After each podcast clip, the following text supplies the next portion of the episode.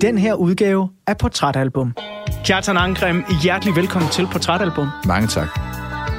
Der er ikke nogen modsætning mellem øh, humor og alvor. Altså, øh, tværtimod, de største kunstværker, de formår altså øh, at forbinde det. Og det er derfor, at den her plade er så stort et kunstværk.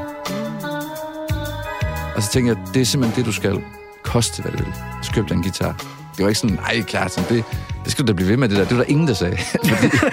fordi fordi det, det lød ikke sådan, som noget, man skulle blive ved med.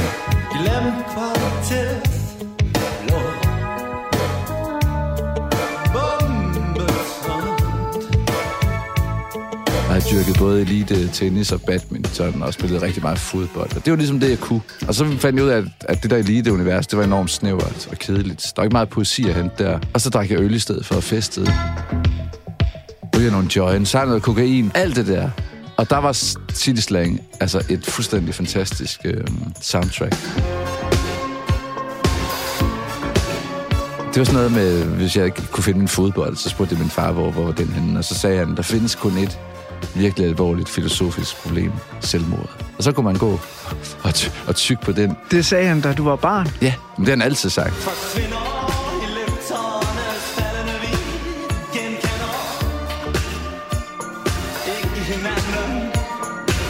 Har du mødt Lars Huck? Vi har mødt ham i Folkeklubben. Jeg kan bare huske, han sagde sådan noget med, at vi skulle huske at have kondomer på tungerne. Have kondomer på tungerne? Ja, det var, det var sådan en udgangsreplik. Jeg hørte de sovende ånder Med ryggen mod dagens kniv Du lytter til Radio 4's musikalske radiofoniske samtale-podcast Portrætalbum. Mit navn, det er Anders Bøtter, og nu skal du bare høre. Jeg elsker, når musik og lyrik bliver tidløs. Og sådan noget musik laver Lars H.U.G. Måske så kender du kun den danske kunstner, sanger og sangskriver for alle hans store radiohits. Du ved, sådan nogen som dem her.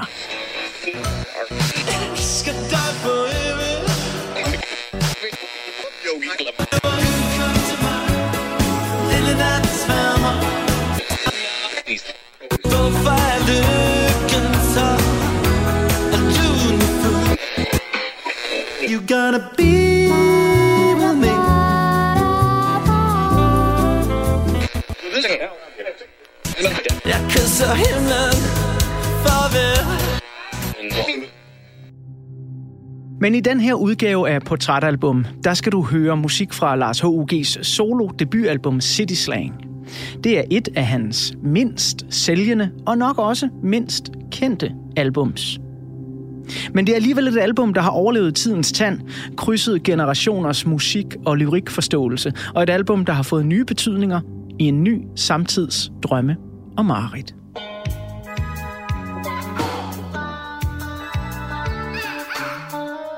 Selvom Lars H.U.G.'s solo-debutalbum City Slang er udgivet i 1984, da ugens gæst her i Portrætalbum kun var en 4-5 år gammel, ja, så har albummet haft kæmpe betydning igennem hele hans barndom, ungdom og nu voksenliv. Albummet City Slang er en smuk fusion af Lars Hucks musik og tekster af digteren Søren Ulrik Thomsen, og det bliver en slags grundstof i min gæsts musik- og lyrikforståelse. Og det er måske derfor, at han har valgt netop City Slang, når der skal tegnes et portræt af ham som menneske og musiker.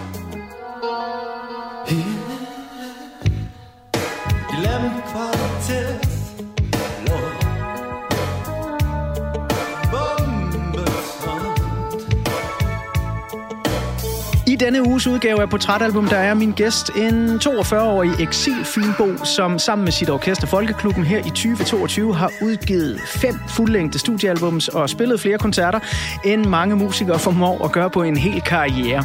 Og selvom du måske ikke ligefrem drikker dus med Folkeklubbens sange og kun har hørt dem af navnen, eller hørt om frontmand Kjartan Angrems sprogblomster, det kunne være tulipaner, ja, så er der nok alligevel en god chance for, at øh, du kender et omkvæd som det her. Fedt rød.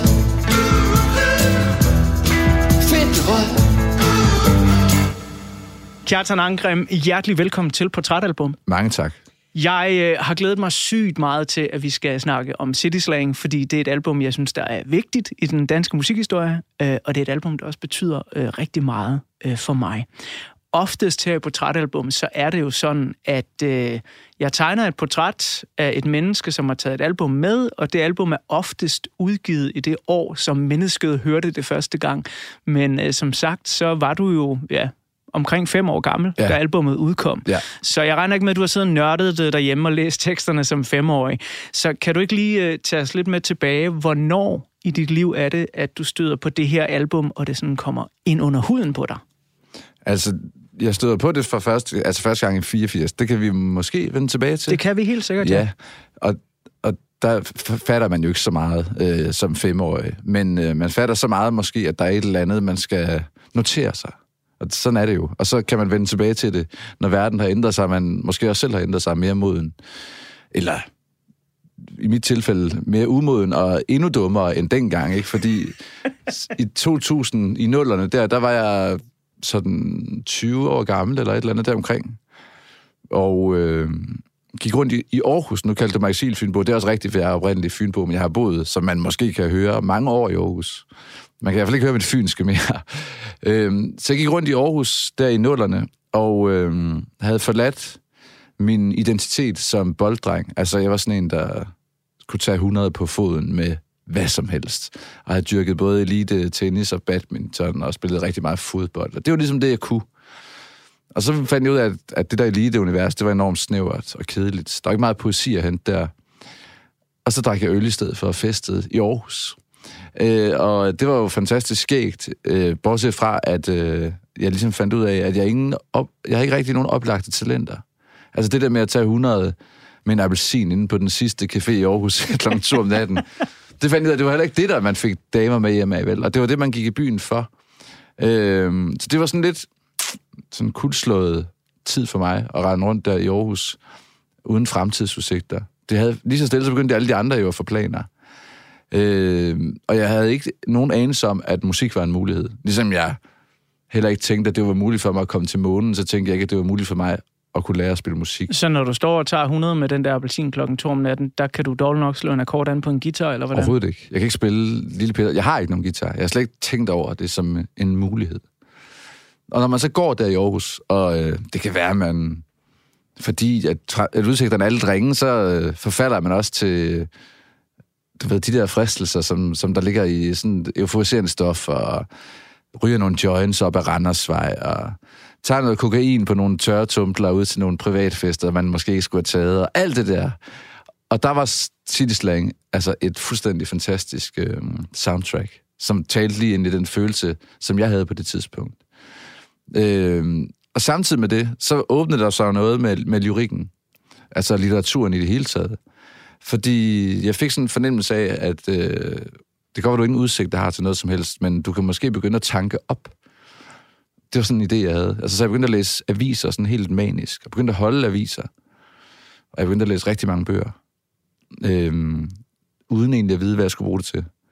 Og så var jeg vikar. Altså, jeg var jo allerede dengang, det er altså stadigvæk en del af det, som hedder prekariatet. som med en fin titel, ikke? Altså, de prekære eksistenser uden pension, uden øh, fast grund under fødderne. Øhm, og der må jeg sige, de her digte og de her sange, det passede. Det var et fuldstændig perfekt soundtrack til den tid.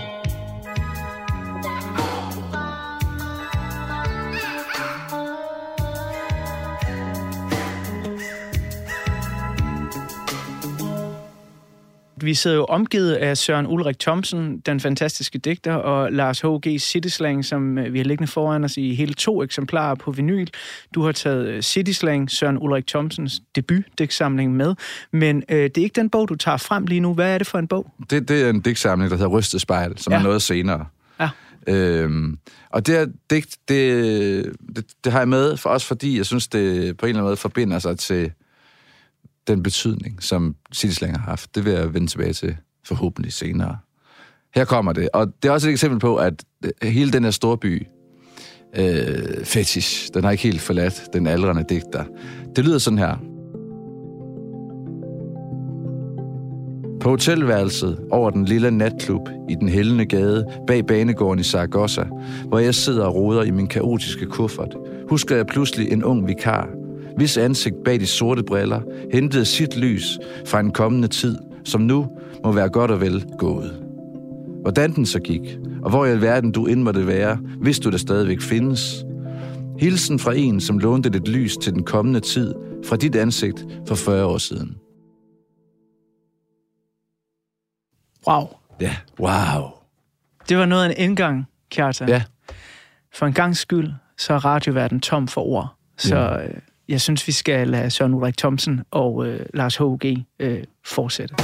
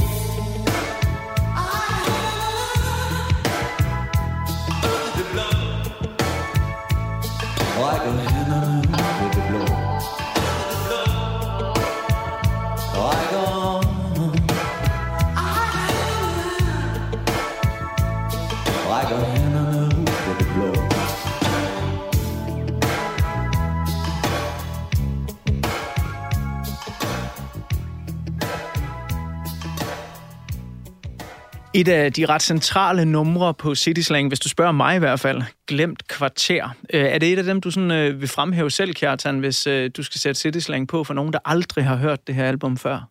ja, det er det. Men jeg vil nok øh, spille Afsked og Vent som øh, det første. Dem kommer vi tilbage til Ja. senere i udsendelsen.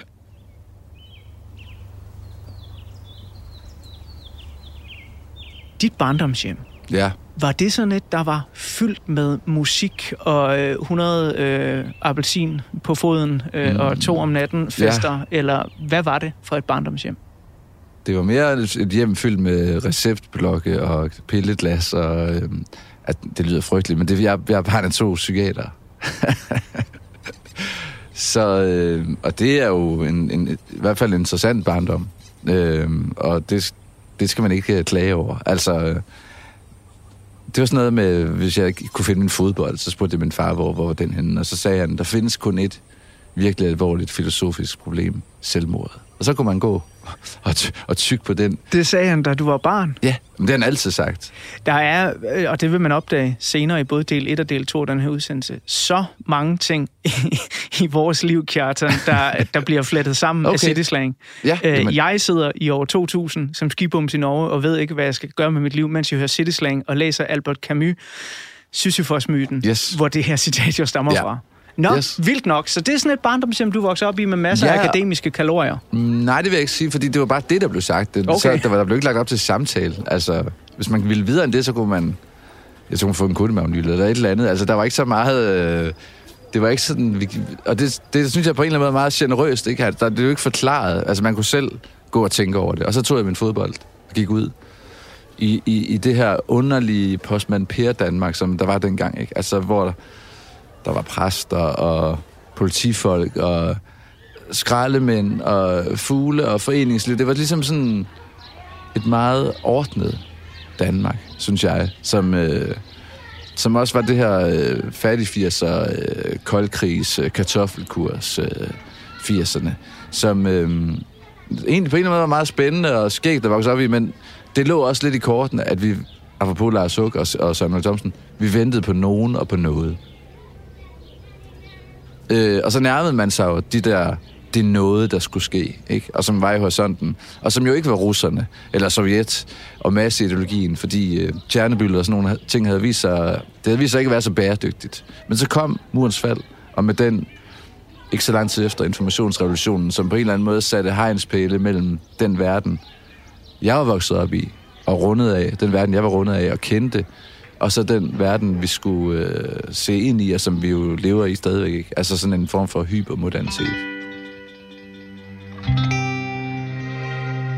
Intet var evigt, gør det vel Problemet er at slå sig selv ihjel Disse bjælker er for tynde til at bære Jeg tænker at i dag, så lader jeg være Jeg vil dø som en sort tulipan Nu har du spillet for et udsolgt KB-hallen Ja. øh, og, og stået Ja. på kæmpe store festivaler øh, og haft massivt publikum.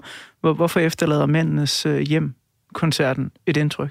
Det gør, det gør den af flere årsager. Dels fordi, at, at, at det var første gang, der var ligesom var nogen, der gjort opmærksom på, at, at vi var folkeklubben. Altså, vi havde ligesom spurgt dem, vi ville komme og spille, og det måtte vi gerne. Og så, da vi kom, havde de hængt sådan en girlande op i luften, hvor, hvor, hvor så de klippet bogstaverne ud, og så stod der folkeklubben. Det var ligesom første gang, der var nogen andre end os selv, der fremhævede folkeklubben. Det, oh, det er med, med kærlighed. det var nemlig der. meget smukt. Jeg bliver helt rørt. Og så, ja, og så spillede vi der, og så var det underligt, fordi at øh, de havde ryggen til mange af dem. Fordi det også var meget at tage ind. Altså, nu kom vi udefra med al vores, øh, alle vores fortællinger og alt det, vi ville, og nu skal I bare høre. Ikke? Altså, alle de manerer, man har som rockmusiker. Øhm, så vi tænkte lidt, da vi gik derfra, nå, altså, kan vi vide, om, kan vi vide, om det overhovedet var en succes, det her? Og det var det så bagefter. Så fik vi mails og beskeder, og, og det var vi jo glade for. Men vi var først og fremmest meget selvoptaget og, og optaget af at komme ud og spille og komme fremad. Vi forstod jo ikke, hvorfor at vi ikke skulle spille KB Hallen weekenden efter. Og den spillede vi altså først her i efteråret, 10 år efter, ikke? eller 11 år, 10 år efter, ja. Så fra mændenes hjem til KB-hallen på Ja. ja. 10 år. Det, de oplevelser, du beskriver der, det er altså... Øh, stor sammenligning, ja, men det minder mig sådan lidt om øh, Johnny Cash's fængselskoncert in Folsom Prison, øh, hvor han jo også sidder foran en folk, der virkelig har ar på livet. Ikke? Ja, Hello, I'm Johnny Cash. I hear the train a coming, it's rolling around the bend, and I ain't seen the sunshine since I don't know when. I'm stuck in Folsom Prison, and time keeps dragging on. Men Kjartan, vi bliver nødt til at vende tilbage til et helt centralt punkt i øh, 80'erne, inden vi hopper frem til år 2000, hvor du hører albummet her og Ja. virkelig får det under huden. Fordi du ser en udsendelse på øh, DR, Ja. det der i dag hedder DR1, Ja. tv-kanalen, den eneste, der var dengang i øh, det lille postman Per Danmark. Ja. Og øh, det er en udsendelse, der hedder Bazaar. ja. Der er en række digtere, og der er øh, Lars H.G og øh, den her nye plade, eller på det tidspunkt hedder han bare Lars Hug. Vi kommer tilbage til senere, hvordan det kan være, at han ændrer navnet. Hvad er det for en oplevelse, der rammer dig, da du ser det her program, Bazaar i 1984? Det var måske noget af det, man ventede på, ikke? Altså noget, der kunne øh, løfte en over, og lidt op over det her øh, postman Per velfærds øh, Danmark, man sad måske også lidt fanget i. Øh, jeg så den her udsendelse, jeg forstod ikke så meget af det.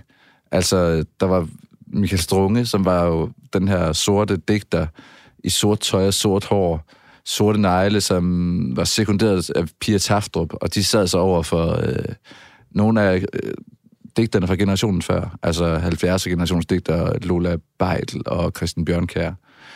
Og så henretter øh, Michael Strunge de her to, altså generationen før ham for åben skærm. Og det er Øh, altså, der er virkelig blood on the tracks, og det flyder ud af skærmen på en måde, som jeg ikke tror, man havde set før. Det er ikke nok at konstatere, at jeg har det dårligt. Jeg går ned og køber flødeskumskager. Det er noget pis. Det må, der må et indre udtryk til, som er meget stærkere. Hvad siger I til det?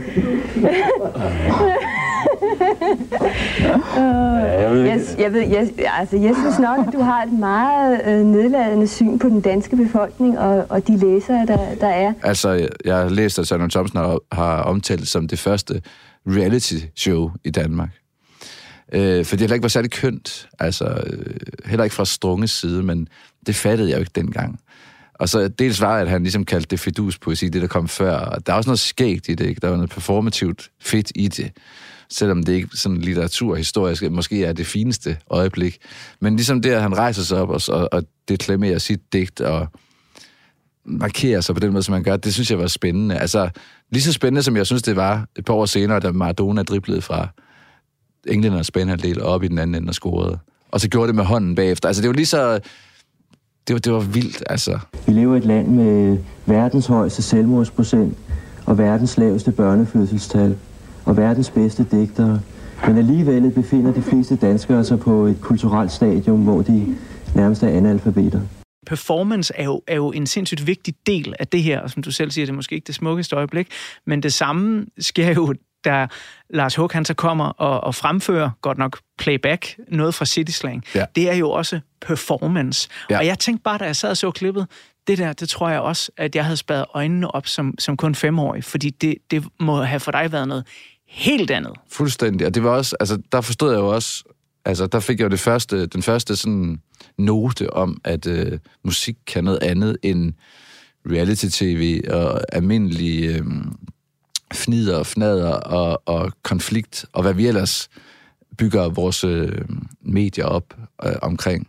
Øh, at musikken ligesom var sådan en... Det var ligesom sådan et stykke ingefær, der rensede hele øh, stuen, ikke? Ja, det satte mig fri. Altså, og, og, og, og plantede et eller andet frø i, i, i baghovedet, ikke? Og her var nogle vikarer, apropos det digt, vi læste før, ikke? Som skulle kaste lys langt ind i min fremtid.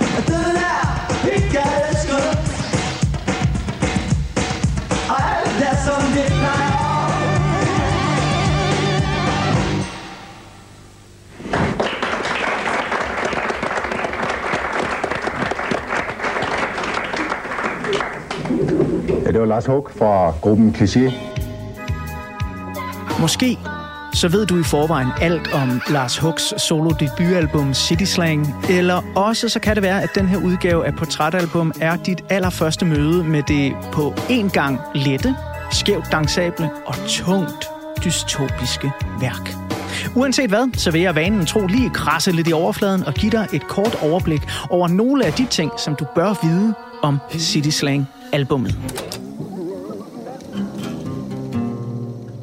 Da City Slang udkommer i 1984, er Lars Hug forsanger i det aarhusianske, let punkede new wave band Cliché. De har med deres to albums Supertanker og OK OK Boys opbygget en trofast fanskare. De elsker deres kollektivistiske politiske sange, der blandt andet indeholder tempofyldte honører til Kinas leder, formand Mao Zedong.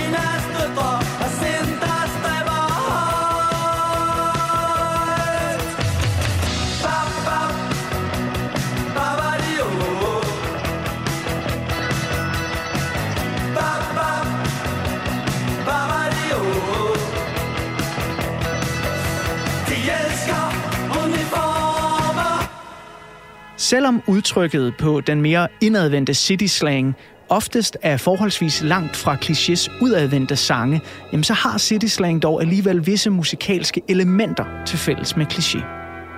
Albummet blev koproduceret og guitarinficeret af det tidligere klichémedlem Hilmer Hassi, som i øvrigt senere i karrieren blev et kendt kernemedlem af gruppen Love Shop.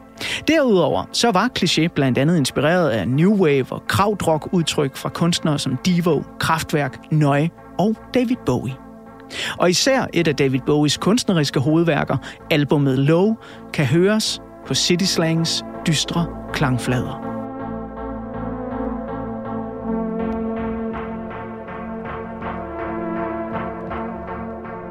Med City Slang tager Lars Huck altså det første skridt hen imod at vise, at han har meget mere at byde på end klichés kollektivistiske sange om folket som skabere af verdenshistorien. Og måske så er det netop for at bevise, at han også kan lave musik om individets indre liv, at han beslutter sig for at sætte rytme og musik til forfatter Søren Ulrik Thomsens debutdigtsamling fra 1981. For City Slang er jo ikke bare et album med en håndfuld velskrevne numre. Hver enkelt sang er små digte om rejser ind i sindet og ud igennem byens fremmedgørelse. Mesterligt beskrevet af den unge digter Søren Ulrik Thomsen. Og sangene bliver, ligesom digtene, ofte dystre beskrivelser af menneskets fremmedgørelse midt i storbyens lys og mørke.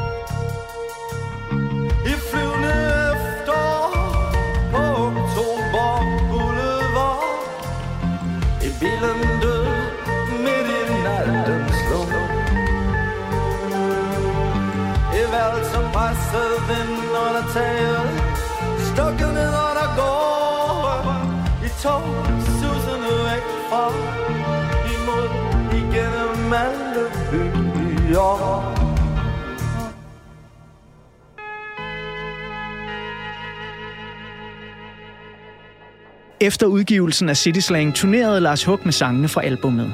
Og særlig en opførelse af albummets sange, hvor Lars Hug kaldte sig Lars Autoophug, og Søren Ulrik Thomsen selv læste sine City Slang digte op, er gået over i historien. Den 21. oktober 1984 opførtes to shows, som blev filmet med tre kameraer og senere vist på DR. Herefter forsvandt optagelserne. De blev først fundet igen i 2008, hvor et større restaurationsarbejde gik i gang. Resultatet blev dokumentarfilmen City Slang Redux, som blev udgivet den 19. marts 2012, præcis 30 år efter Søren Ulrik Thomsen udgav City Slang for første gang.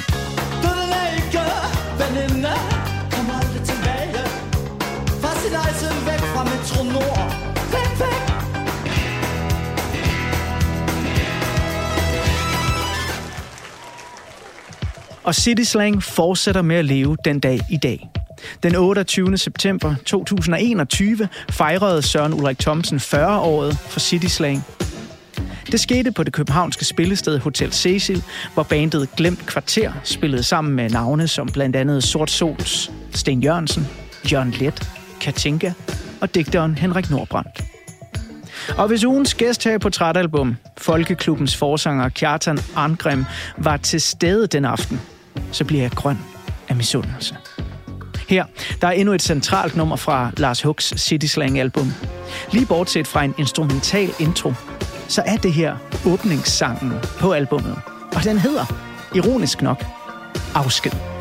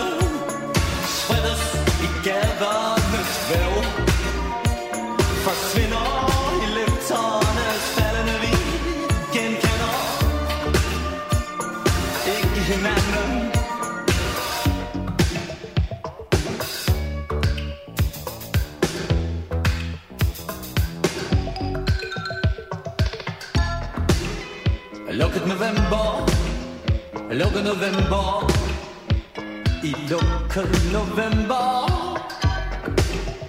Lukket november Lukket november I lukket november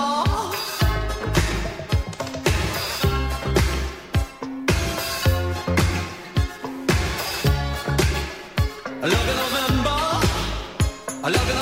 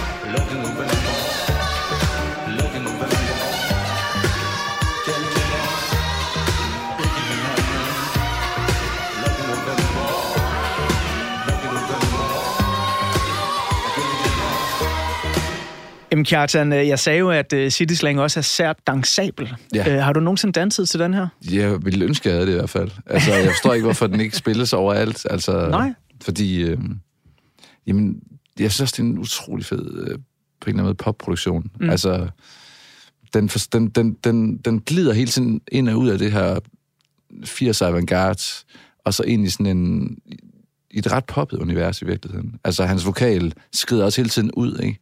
Og så finder den, altså især her, Lukken November, altså, den måde, han falset synger det på, og skriger det ud, altså...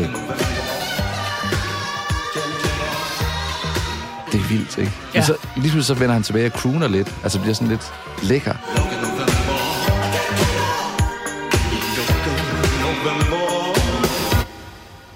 Altså han endte jo også, er endt som en sej popdreng, ikke? Og der er ikke noget i vejen med pop. Det synes jeg er lige så, lige så spændende, lige så fedt, som hele det avantgarde, som det her udspringer af. Og den vekselvirkning der, det er jo det, der er hele pladen, ikke? Altså, han har påstået, at, at det hele er lavet med sådan noget terningkast. Altså, øhm, altså alle melodierne er lavet efter sådan et tilfældighedssystem. Det er jo faktisk også lidt tilbage til ja, øh, et af de albums, jeg nævnte som inspiration, David Bowie's Low, Ja. hvor han jo brugte cut-up-teknikker i sine tekster og øh, blandede dem rundt og, og så videre, ikke? Jo, Ja. og det er fint med dem, men jeg tror ikke på det. Altså, jeg tror på det et stykke af vejen. Altså, øh, jeg tror også, det var noget, der var fedt at sige, ikke? Altså, Mhm. Men er det ikke også en del af performancen fra både Hook og Bowie at sige, vi, vi har brugt dette greb, denne metode øh, til at gøre det her? Altså det bliver en del af den samlede fortælling. Jo, og en måde at komme ud til et større publikum på, ikke? Altså, der, der var ikke nogen, der kendte... Det var få, der kendte City Slang før den her plade. Og jeg tror, de fleste har læst City Slang som en popplade lige siden. Altså, det er den måde, de er kommet i kontakt med den digtsamling på. Og det performative, det er jo også... Altså, det var også det, Strunge gjorde. Det var der for at nå ud til masserne også. Og den intention ligger der bare... Vi kan sagtens behandle det som, som sådan et stykke rendyrket avantgarde, men det vil også være lidt kedeligt. Altså, jeg synes også, det er, det, det er fedt, der er den spænding og den konfrontation, konfrontation mellem Sonny Thompsons sådan kulslået lyrik, og så, øh, og så også nogle pop altså ambitioner.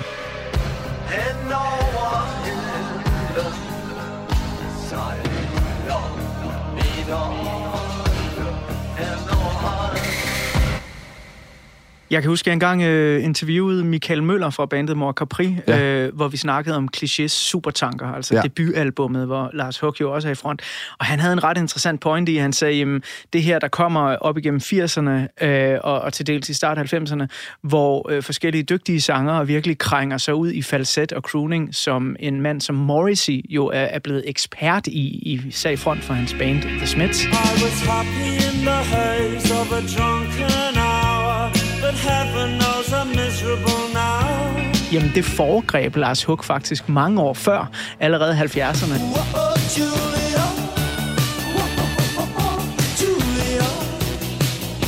Whoa, Julia.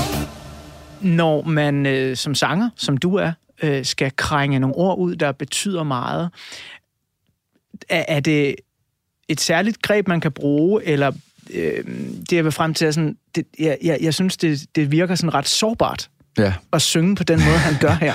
Ja, ja men sådan, det vil jeg sige, jeg synes, det er sårbart for mig. Altså, jeg synes nemlig ikke, det er sårbart, det han gør her. Jeg synes mere, det er øhm, øhm, potent. Altså, og, og, og, og her kommer virkelig et kodeord, synes jeg. Jeg synes, det er skægt. Ja. Altså, og, og det tror jeg ikke, Søren Thomsen, altså har... Det, digtsamlingen er skrevet i, i baggården i, i en kælderlejlighed, ikke? Altså, det kan ikke blive mere efterår og mørkt og november og, og, og, og røden regn. Altså, det, det er virkelig gennemført øhm, sådan dystopisk på en eller anden måde, ikke? Og, øhm, og det er godt nok. Men så kommer Lars Huck og tilfører, tilfører det altså også et element altså, øhm, af humor, som er enormt frigørende, og som, som klæder det hele. Altså, og der, der, der er vi nødt til at holde fast i, og det er noget, som tit øh, vi glipper i det her lille dumme land, at der ikke er nogen modsætning mellem øh, humor og alvor. Altså, øh, tværtimod, de største kunstværker, de formår altså øh, at forbinde dem. Øh, og det er derfor, at den her plade er så stort et kunstværk. Det synes jeg bare er ret vigtigt at få ind. Altså, jeg griner, når han synger Lock November. Altså, øh, jeg synes, det er mega skægt. Altså, øh, og modigt. Men han- ja, nemlig det er mod, og han, på en eller anden måde skærer han jo ud. Han skal fuldstændig Øh, ud. Giver det der inspiration som, ja, som skal- sanger selv? Ja, det er altså øh, det er hele tiden for mig en opgave. Og øh, altså inderlighed og øh, melankoli, ikke? Det er edderlust med nogle nemme følelser at komme i kontakt til. Altså det, jeg tror, det er Peter Bastian, der sagde, at melankoli er den billigste følelse. Giv mig to sekunder, ikke? Så er jeg melankolsk. Og øh, apropos Søren Thomsen, så skrev han jo senere sammen med Frederik Stjernfeldt en bog, som hedder tror jeg, den hedder Kritik af den negative opbyggelighed. Altså det faktum, at det at være kritisk og øh, pessimistisk, det bliver nogle gange for, forvekslet med at være begavet. Det er der mange, der tror. Øh, og lider under den fejlslutning. Hvor de, jeg tror nok, at deres pointe er, at det at sige og udtrykke noget positivt, det er jo den store kunst.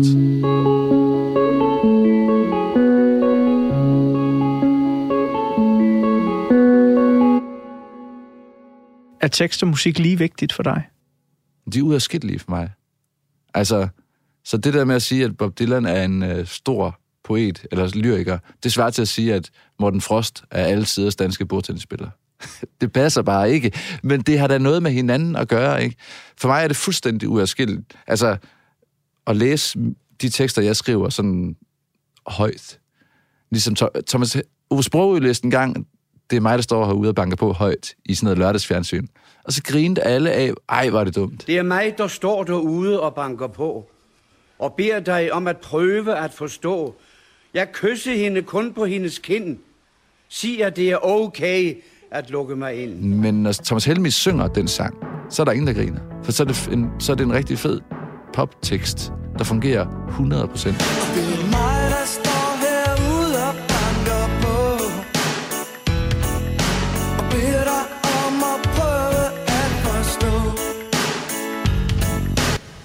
Det er bare sådan en intuitiv udladning at skrive en sang for mig. Det er den ene ting. Og så skal jeg forhåbentlig ud på scenen. Det er hele tiden for mig, og så to gange Rasmus i Folkeklubben, et, øh, en opgave at skære så meget ud, som vi kan. Altså hele tiden undersøge, hvor går grænsen, og, øh, og ikke at øh, falde hen i vaner, ikke? Og så ville jeg ønske, at jeg kunne skære noget mere ud vokalmæssigt. Altså, grunden til at jeg hører som, at den er bladet så meget, det er fordi, at de begge to kan noget, som jeg ikke kan. Som jeg kan blive ved med at hente noget fra. Altså, jeg kan ikke skrive som Søren Thomsen, jeg kan ikke synge som Lars Huck. Men jeg kan hele tiden hente lidt fra det. Og, og skubbe mig selv lidt i nogle retninger.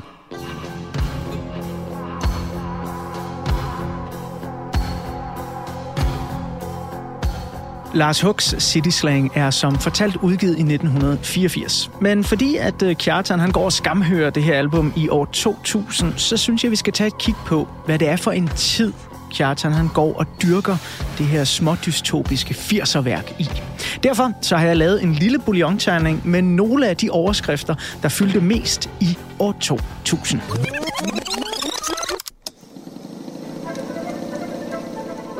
Da urværkernes klokkespil taktfast slår de sidste slag på nytårsaften i 1999, der er der en del mennesker verden over, der holder vejret.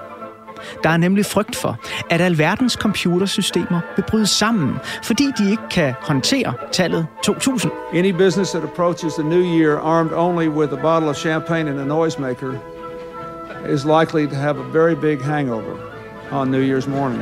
På engelsk kaldtes fænomenet Y2K Scare. Heldigvis så kunne vi alle ånde lettet op, og den amerikanske præsident Bill Clinton meddelte endda, at bekæmpelsen af The Millennium Bug var det 21. århundredes første succesfulde krisehåndtering. It is a complex test that requires us all to work together. Og krisehåndtering er der brug for ude omkring i verden. Især i det tidligere Sovjetunionen står det skidt til. Økonomien skrænter, og den aldrende leder Boris Yeltsin går af. Han støtter den unge, tidligere KGB-agent Vladimir Putin i den kommende valgkamp. Putin vinder valget, drømmer om at genetablere det gamle Sovjetunionen og indleder en ny æra i russisk politik. Putin må dog allerede fra begyndelsen takle andre problemer end den skræntende økonomi. Den russiske atomubåd Kursk 141 forliser nemlig efter en eksplosion og synker til bunds ud for Norges nordlige kyst. Og i de efterfølgende dage ser både russiske og internationale medier måbne til, imens Putin fra hans sommerhusferie, som han nægter at afbryde, afslår international hjælp til bjergningen af ubåden og en eventuel redningsaktion af ubådens mandskab. De sidder nemlig, muligvis, stadig i live i mørket på bunden af Barentshavet. Hele verden holder vejret for de 118 ombordværende russere. Da norske dykkere endelig trænger ind i ubåden ni dage efter eksplosionen, så finder de, som frygtet, 118 døde besætningsmedlemmer. Den tragiske begivenhed beskrives i abstrakte detaljer på det danske rockband Sort Sols opus Kursk 141 fra 2017. None of us can get out. None of us can get out. None of us can get out. None of us can get out. None of us can get out. Men heldigvis så er det ikke alt, der i år 2000 ser truende og mørkt ud. Vil man gerne sætte hverdagens barske virkelighed lidt på pause, så kan man eksempelvis fornøje sig med Sonys nye konsolspils flagskib PlayStation 2, som er en maskine, der forandrer spilverdenen for altid. PlayStation 2 er nemlig stadig her i 2022 den mest solgte spillekonsol i verdenshistorien. Den står i estimeret 155 millioner hjem verden over.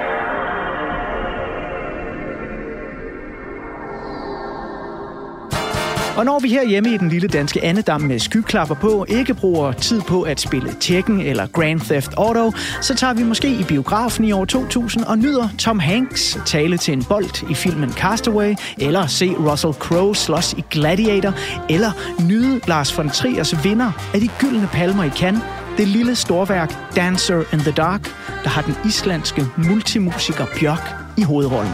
You like the movies, don't you? I love the movies. Yeah. I just love the musicals. But isn't it annoying when they do the last song in the films, though? Why? Because you just know when it goes really big and the camera goes like out of the roof and you just know it's gonna end. I hate that.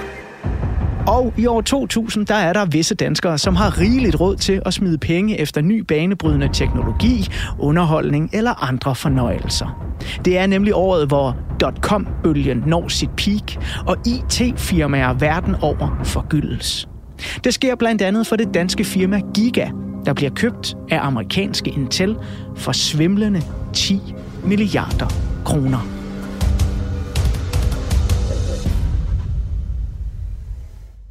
Hold da op, Kjartan. Det var noget ja. af et år. Ja.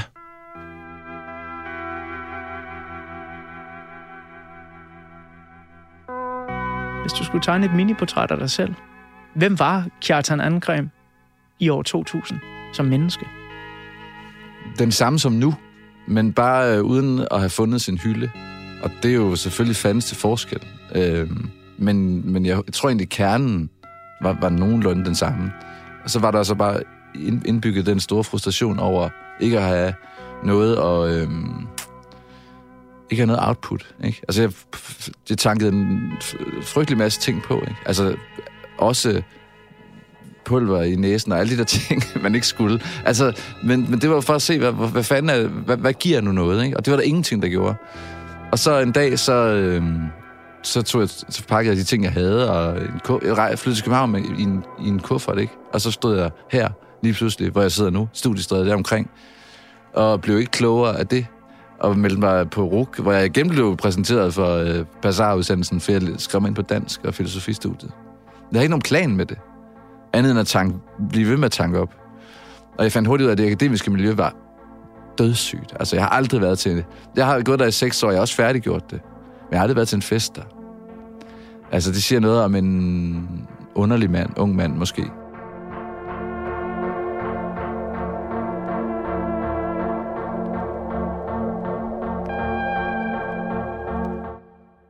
Ja, for jeg skulle da til at sige, at der er jo mange, der kommer ind på videregående uddannelser, øh, som ikke ved, hvad de vil med livet, men så måske søger efter den videregående uddannelse med de bedste fester, i det Ja. mindste, og så bruger det til en eller anden driver i deres liv. Men det var slet ikke det, den var. Altså, øh, men det var spændende at læse de tekster, vi havde, ikke? Både på filosofistudiet og på, det, og på dansk.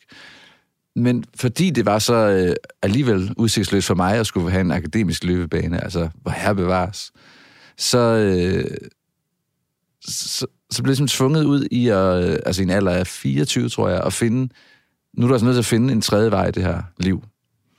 Hvis det ikke det skal være boldbanen, den har vi ligesom opgivet, og hvis ikke det skal være den akademiske, og den der fornuftige vej, altså en, en eller anden form for voksenliv, hvor du forsørger dig selv, og altså går på arbejde, og alt, alt det, der forventes, for en pension og alt det. Og det ville jeg ikke. Det, det havde jeg ikke nogen lyst til.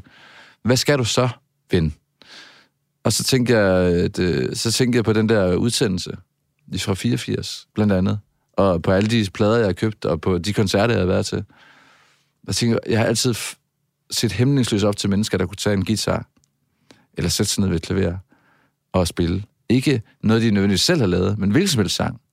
Og øh, opleve den harmoni, der opstår i et rum, når øh, folk synger sammen, eller der er nogen, der synger en sang og udtrykker sig kunstnerisk på den måde. Og så tænker jeg, det er simpelthen det, du skal. Koste, hvad det vil. Og så købte jeg en guitar. Og så øh, sagde jeg, du kommer ikke ud, før du har lært det. Og så fik, altså jeg synes, sådan nogle forelæsninger, og sådan noget. Jeg, jeg fik også SU og SU-lån, jeg var nødt til at på en eller anden måde fylde lidt med. Men jeg fik langt hår og langt skæg, før det var hipt, og øh, lignede sådan en, der levede under en bro. Men, og, og men, øvede mig de der 10.000 timer, som det kræver. Ja, men gjorde, altså, jeg tænker, gjorde du det helt alene, eller havde du en, en mentor, der tog øh, dig under sin vinge? Nej, det var en, en... Altså, jeg havde nogle venner, som sagde, Nå, se du, at du skulle lige uh, G, hvordan med det, og E-mål, Altså, fordi jeg kunne ingenting, og jeg var heller ikke noget naturtalent. Slet, slet, slet ikke. Det var ikke sådan, nej, Kjartan, det, det skulle du da blive ved med det der. Det var der ingen, der sagde. fordi fordi det, det lød ikke sådan, som noget, man skulle blive ved med. Men jeg ville videre med det. Og jeg er den dag i dag ikke særlig god som guitarist, egentlig. Men jeg fandt, ud, jeg fandt ud af, at jeg kan lave sange.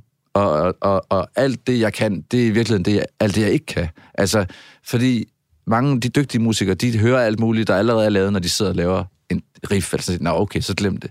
Hvor hver gang jeg laver noget, som jeg synes er nyt, så synes jeg, det er en åbenbaring fra himlen. Altså. og så fortsætter jeg med det, og det kommer der sange ud af.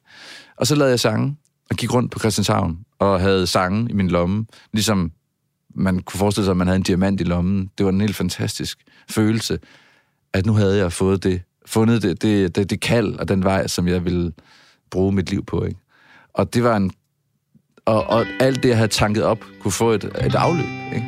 i sangen på dansk. Intet var evigt, gør det vel Problemet er at slå sig selv ihjel Disse bjælker er for tynde til at bære jeg tænker, at i dag, så lader jeg være Jeg vil dø som en sort tulipan Og springe ud fra den smukkeste altan Jeg har aldrig lært at spille et instrument, eller bare slå en, en node an.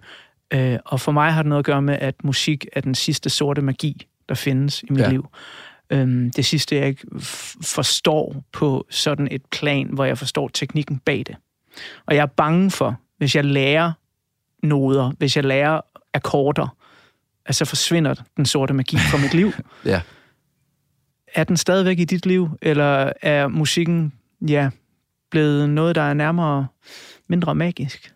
Mm, det, er, nok, fordi vi taler om det på to forskellige planer. Fordi du taler på det som musik øh, nyder, eller øh, med grimt ord, forbruger. Altså, og øh, jeg taler om det som altså, musik som noget, jeg skaber. Og øh, jeg bruger, det er også derfor, jeg har alt det her album, ikke? Fordi jeg bruger ikke musik, musik som, øh, som inspiration til at skabe musik. Det bruger jeg måske til at til min frokostøl, eller morgenkaffe, min hvad hedder sådan noget, pre-dinner drink, og altså det er der, jeg hører musik. Og så skaber jeg ikke. Altså det er mere sådan et akkompagnement til akkompagnement. Hvad hedder, fanden hedder det? Jeg, ikke jeg, jeg burde kunne sige, det er musiker. Men, øh, hvad hedder det? Til livet, ikke? Ja. Hvor det at skabe musik, det er der magien er for mig. Efter lidt mere musik fra City Slang, så kan du i del 2 af udsendelsen her blive klogere på, hvem øh, Kjartan Angrim så går og ser op til her i 2022. Hvordan City Slang måske inspirerer hans tekster endnu mere nu, end det har været tilfældet tidligere i livet, og hvor Folkeklubben er på vej hen med deres musik i de kommende år. Men frem til del 2 af udsendelsen, der skal du få lidt mere musik fra City Slang. Det her, det er Passager. Jeg driver gennem den blanke vinter Vinden suser i kroppen Kroppen suser i natten Bilens flydende år Ejerne lugte Radioens fjerne signaler Let svejte tung metal Under håndens berøring. Tusinde lys med meddeler sig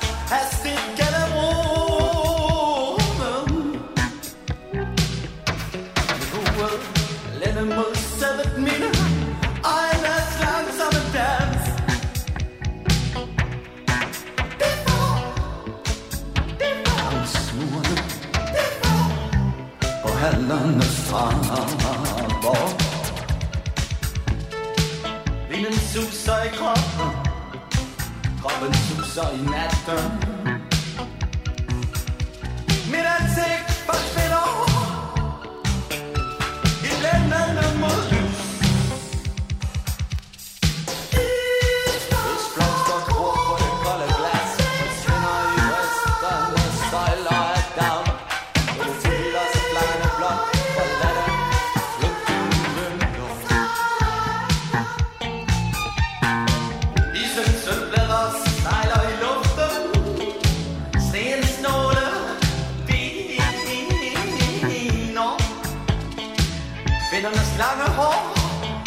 Mod center 94 Med til glas Mænd kaster hinanden gennem ruderne Danser uden ord Danser uden ord Danser uden ord Danser uden ord Danser uden ord